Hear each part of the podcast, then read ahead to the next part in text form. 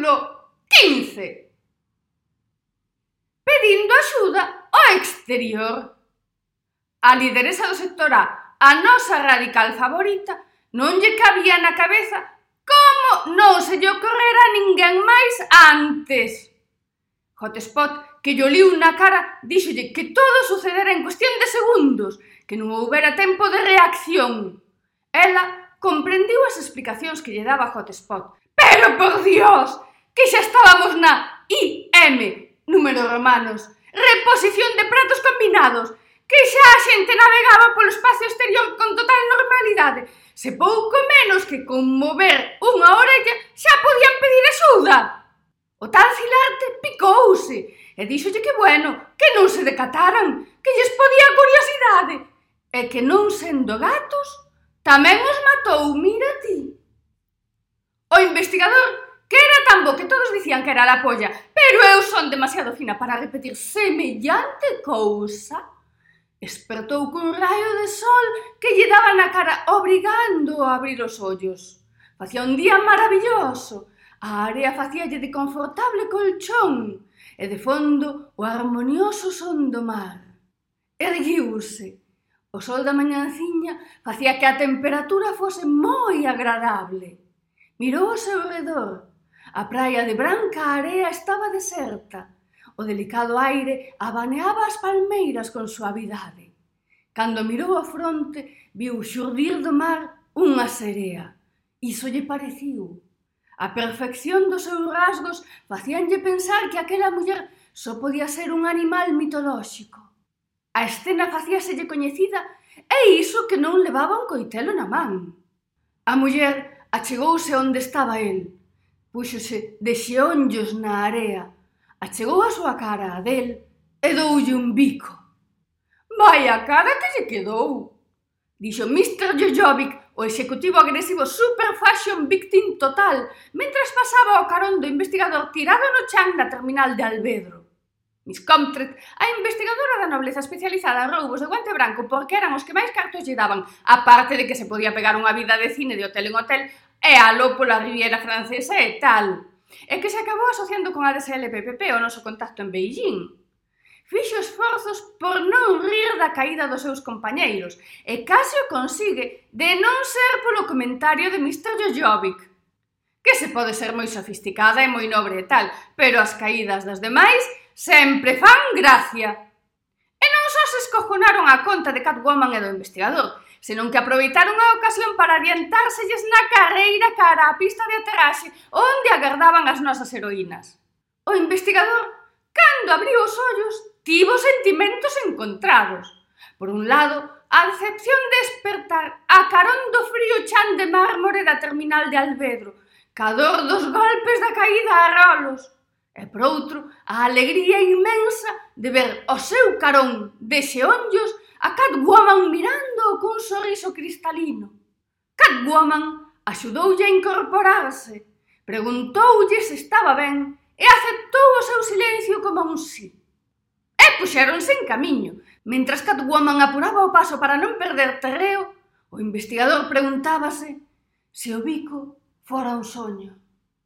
Pasaron os días e aqueles cafés acabaron en esporádicas ceas, sempre ca presencia de invisible, que parecía ser a única capaz de romper o feitizo que as ciencias tiñan sobre cor. O malvado doutor TCPIP tivo que empregarse a fondo. Deixou de lado a súa afición favorita, que como todas supoñedes, era a lectura de novelas románticas. De feito, gabábase de ter as primeiras edicións orixinais de todas as novelas de Corín Tellado. Incluso pasaba horas e horas conectado para conseguir as edicións, por suposto, primeiras edicións orixinais dos distintos países nos que se publicaban. Conseguiras case todas, tiña a espiña de China, porque os chineses eran moi seus. O malvado doutor TCPIP tivera que aprender varios idiomas, o que, según el, tampouco era para tanto. Cando falaba con cor, claro, porque despois era o primeiro que che espetaba nunha discusión que non lle discutises que sabía 20 idiomas. Pero os chineses, que como dixen son moi seus, non lle perdoaron aquela carta na que se despediu en xaponés. Non, iso sí que non. Deixando a os coleccionismos do malvado doutor TCPIP, dicía que se vira obrigado a abandonar tan estimulantes pasatempos para poñerse o día en ciencias, non porque lle interesase, senón por impresionar a cor. Estaba namorado, pero de verdade. Chegou incluso a apuntarse nos cursos CCC para convertirse en científico superlisto en tres meses. O temario dos cursos, xunta co profesor sempre dispoñible vía telefónica, conseguiron facer de TCPIP un experto científico.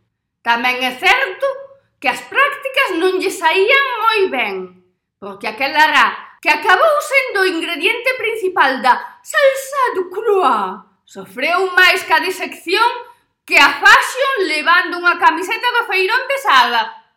En por iso, Conseguiu notables avances na mezcla de tés de froitas, chegando incluso a patentar unha mezcla de tés orientais.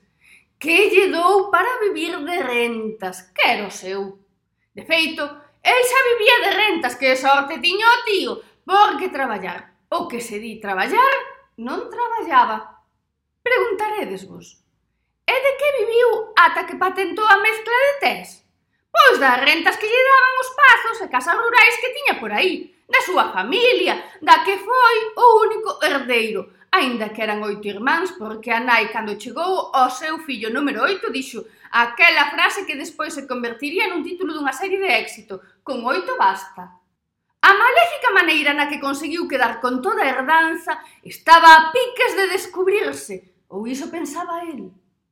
Presentía que o seguían, que o vixiaban, E tiña razón, pero iso non ven o caso agora. O caso é que cada vez tiña máis conversa con Cor gracias ao curso a distancia de expertos científicos de CCC. Pero non se atrevía a pedirlle para salir nin nada parecido, porque o malvado doutor TCPIP era moi malvado, pero tímido no fondo. Invisible picábao para espabilalo máis que nada, a ver se se decidía dunha vez, pero non había maneira. Invisible tampouco estaba pola labor de andar de carabina toda a vida, e como única solución ocorreuselle o da aposta famosa. Se ganaba ela, deixaría en paz dunha vez e buscaría a vida como a bogalán. E senón, ela tería que conseguirlle unha cita para unha cea romántica con cor.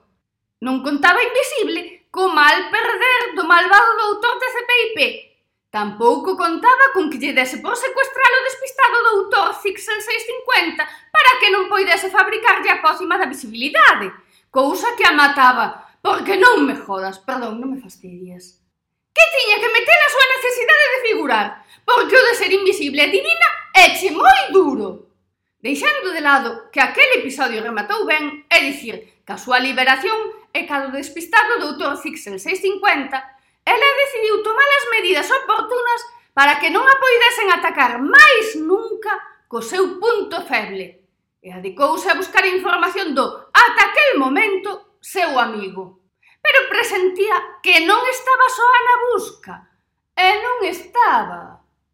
Hotspot Unha vixianta da praia que deixou a súa California natal porque estaba farta de que a encasillasen como a típica loira californiana, retocou as raíces e marchou o máis lonxe da civilización que puido.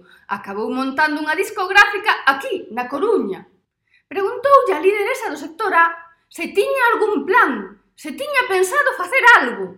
O tallo se vacilarte, con moita retranca, así como era el, Dixo que por suposto que eu tiña pensado era pedir axuda. A lideresa do sector A doulle a impresión de que o tal Cilarte precisaba un aclaramento de ideas, pero considerou que aquel non era o momento, e xa toda estupenda como era ela, díxolle que, xa que parecía o seu secretario, que se puxese a chamar a todo Cristo. Perdón, a todos os contactos. Para pedir axuda, E ca mesma retranca que aquel lle falara antes díxolle que se podía ser que comezase pola policía e ou os bombeiros. Tamén lle dou o teléfono de Windows XP, a nosa libertadora de loira Melena Pantén porque yo lo valgo favorita, e das outras ángeles de charlitas. Isto último gustoulle a Cilarte, fixolle gracia, cousa que tampouco tiña moito mérito, porque se estaba descojonando. Era moi risueño, perdón todo o día. Para rematala dixo que se era el o que pedía axuda, que supostamente era o máis importante naquel momento, ela, que supostamente os viñera a rescatar, bueno, a eles en concreto non, máis ben a Crawford, que xa volvera de Living la Vida Loca lo pola Riviera Francesa. Que ia facer ela?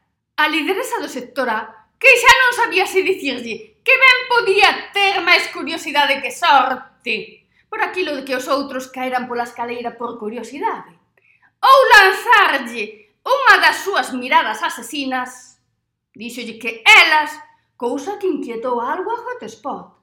A Windows, a Poppy, a nosa executiva de alto nivel favorita, a Anao, a nosa executiva agresiva favorita, e a estilosa señorita New Look, casi lles dá un ataque cando lle escoitaron a mariposa, a nosa happy flower favorita, que lle pareciu oír a voz de dinámico, o dono de Bollicaos Line que por facerse o investigador super profesional acabou pechado nun tráiler de Zara xa me diredes que tiña que ir a investigar ali dentro. Pensaron que toleara de vez, pero non tiña os pelos de punta, nin os ollos vidrosos, nin nada, así que lle seguiron a corrente e foron detrás dela.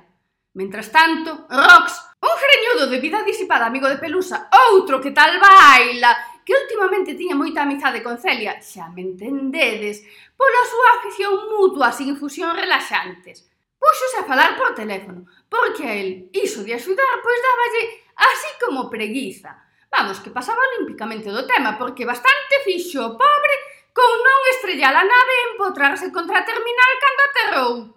Falaba con Pelusa, ese, ese, outro que tal baila, e parecía que estaban tratando temas moi profundos porque Rox tiña cara de concentrado. Da terminal saían Miss Comtret e Mr. Jojovic en dirección a Rox. El ali, todo natural, como se non fose con el. Medio lle extrañou que detrás viñesen o investigador e Catwoman.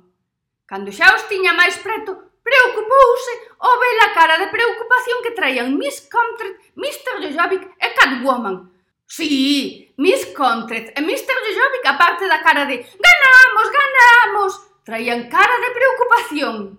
Pero aínda se preocupou máis cando viu a cara de alelado que traía o investigador, que o coñecía de cando ia buscar a Celia e o miraba mal. Pensou...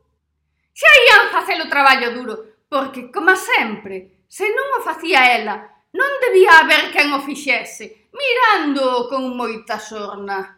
Hotspot non é que se preocupase polos perigos que tiña que afrontar da man en sentido figurado da lideresa do sector A, porque no seu traballo de vixianta da praia xa tivera que enfrontarse a tiburóns sanguinarios, a bestas mariñas e o peor, a turistas con camisetas hawaianas. Pero no fondo, tanta desaparición facíalle pensar que a escaleira asasina era moito máis perigosa que todos aqueles desafíos da súa vida californiana. A lideresa do sector A tranquilizouna facéndolle ver que o tiña todo controlado, cousa que non se correspondía exactamente ca realidade, pero que lle serviu para que Hotspot afrontase o reto con decisión.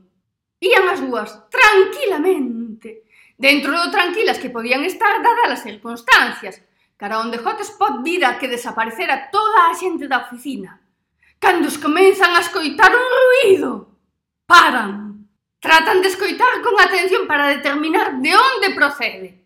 A lideresa do sector A adiántase. Non, non proviña da escaleira, estaba detrás delas e cada vez aproximábase máis. Hotspot non as tiña todas consigo. A lideresa do sector A facíaselle coñecido aquel son acompasado. Mariposa chegou por fin ao tráiler de Zara do que se supoñía que saía a voz de Dinámico. Dou dous golpes na parede metálica. As nosas heroínas mirábanse entre sí como esperando para partirse de risa, máis que nada por educación. Pero quedaron atónitas! Quedar, quedaron pampas de todo, pero unha é vos moi fina, cando saíron dous golpes de dentro do tráiler. Quindos Quispé, facendo honor ao seu nome, non tardou nin un segundo en ir á parte de atrás do contenedor e empregando, sabe Dios onde as aprendería, Artes conseguiu abrir a porta. Mariposa non perdiu nin un segundo. Entrou no contenedor sen medo. Daba igual o que houbese ali dentro. Aqueles dous golpes na parede só podían ser dunha persoa. Rox saudou a comitiva. Pero non lle deixaron tempo moito máis, en canto estiveron a unha distancia prudencial, é dicir, en canto estiveron a unha distancia suficiente para que Rox non só os poidera escoitar, senón tamén entender e comprender, comezaron a acosalo con preguntas. O investigador foi o único que conseguiu resposta, porque no fondo Rox tiñalle moito respecto, ou medo, ou algo, o caso é que a el si lle respondiu. A pregunta era se sabía algo de dinámico. A resposta foi non. Aínda que o diálogo podía parecer breve, a cousa levou o seu tempo e en realidade tampouco fixo falta máis porque os berros... Sasser, a comercial super eficiente da empresa de aluer de coches de luxo que ten Spistrin, dixera ya convertible o pirata conductor que pisase a fondo o acelerador, infringindo todas as normas da compañía, e, por suposto, de tráfico. Sentíase como a Lacey, a de Cagnan Lacey. Chegou a Albedro en cuestión de nada e foi directamente a onde lle dixera dinámico polo móvil. A verdade é que se sentiu un pouco defraudada cando viu que xa todo estaba solucionado e que dinámico, na súa liña de divo dos negocios, nin as gracias lle deu. Pero xa que estaba ali, e por non perder a viaxe, como boa comercial, falou co investigadora e contoulle da desaparición do seu xefe. Miss Comtret lembrou o que lle dixera a DSLPPP de que todas se andaban perdendo e buscando uns a outras continuamente. Non puido evitar sorrir con terrura e poñela a orella para saber de que ía. O investigador que a viu moi interesada dixolle que podía ocuparse ela que se lle podía servir de experiencia, que se de paso que estaba se podía entreter un anaco, que se tal, que non sei que... Vamos, que nós xa sabemos de sobra que o investigador tiña cousas moito mellores que facer. Miss Comtret aceptou toda ilusionada, e a Mr. Jojovic non lle quedou outra que aceptar tamén. E tanto que non estaba soa na busca, e tanto que o malvado doutor TCPIP podía presentir que o vixiaban, Porque era certo. Desde a Central dos Servicios Segredos de Investigación seguían moi de preto as actividades do malvado doutor de CPIP. Aquela misteriosa maneira de quedar ca herdanza dos seus irmáns puxo tras a súa pista non só a facenda, é dicir, a todas, senón tamén o detective supersegredo do CSI, que obedecendo órdenes superiores comezou a seguir o rastro. A herdanza da familia do doutor TCPIP podía ser, en apariencia, irrelevante, pero non era nin moito menos así. A vida discreta que levaban de cara á xente contrastaba coa opulencia da súa vida privada. E aínda que o malvado doutor TCPIP non era moi dado ás festas, eran tradición na súa familia festas nas que corría o ferrero roxé, o caviar e calquera manxar sofisticado que estivese de moda. Por suposto, a clase de xente que acudía a estas reunións non era calquera. Xuntábanse embaixadores, empresarias, bueno, a hostia! Perdón, a creme de la creme. Dicían as malas linguas que en tempos do pai de TCPIP se centralizaba máis información confidencial no seu pazo de Bran que na central dos servicios segredos de investigación, Cousa que tampouco era moito de extrañar, porque fixeron que a atención se desviara de novo cara ao tráiler de Zara, que non era o único tráiler que estaba por ali aparcado, pero bueno, como a dinámico lle dou por meterse ali, os berros eran das nosas heroínas que viron espantadas como se pechaba a porta do tráiler mentras elas estaban dentro descojonándose, perdón, rindose moito, de dinámico por quedar ali metido. Bueno, Todas menos Mariposa, que case lle saltan as vaguas de emoción. En realidade, ninguén acertou a dicir se era da emoción ou do escojone. Pero como queda así como máis romántico o da emoción, imos supor que era de emoción e punto. Windows XP achegouse á porta tratando de ver se había algún punto de apoio ou algunha rendixa ou algo que lle permitise abrila desde dentro.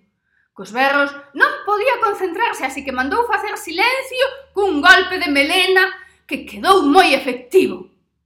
Ata que todas miraron a dinámico e ao ver a súa cara de desesperación e abatimento, ao verse pechado de novo, volveron a partirse de risa. De calquera xeito Windows prefería a risa aos berros. Díxolle a mariposa que buscase no seu bolso unha lanterna para poder ver mellor dinámico, non paraba de berrar histérico pedindo que non se moveran tanto, que deixasen de consumir oxíxeno. Fora do tráiler, na mesmiña porta, estaba Pelusa. Si, si, outro que tal baila. Que pechou a porta por facer a gracia, porque iso si, sí, éramos moi gracioso rapaz. Estaba así como arrepentido cando se decatou de que non a podía volver a abrir. O investigador que xa lle empaquetara o caso da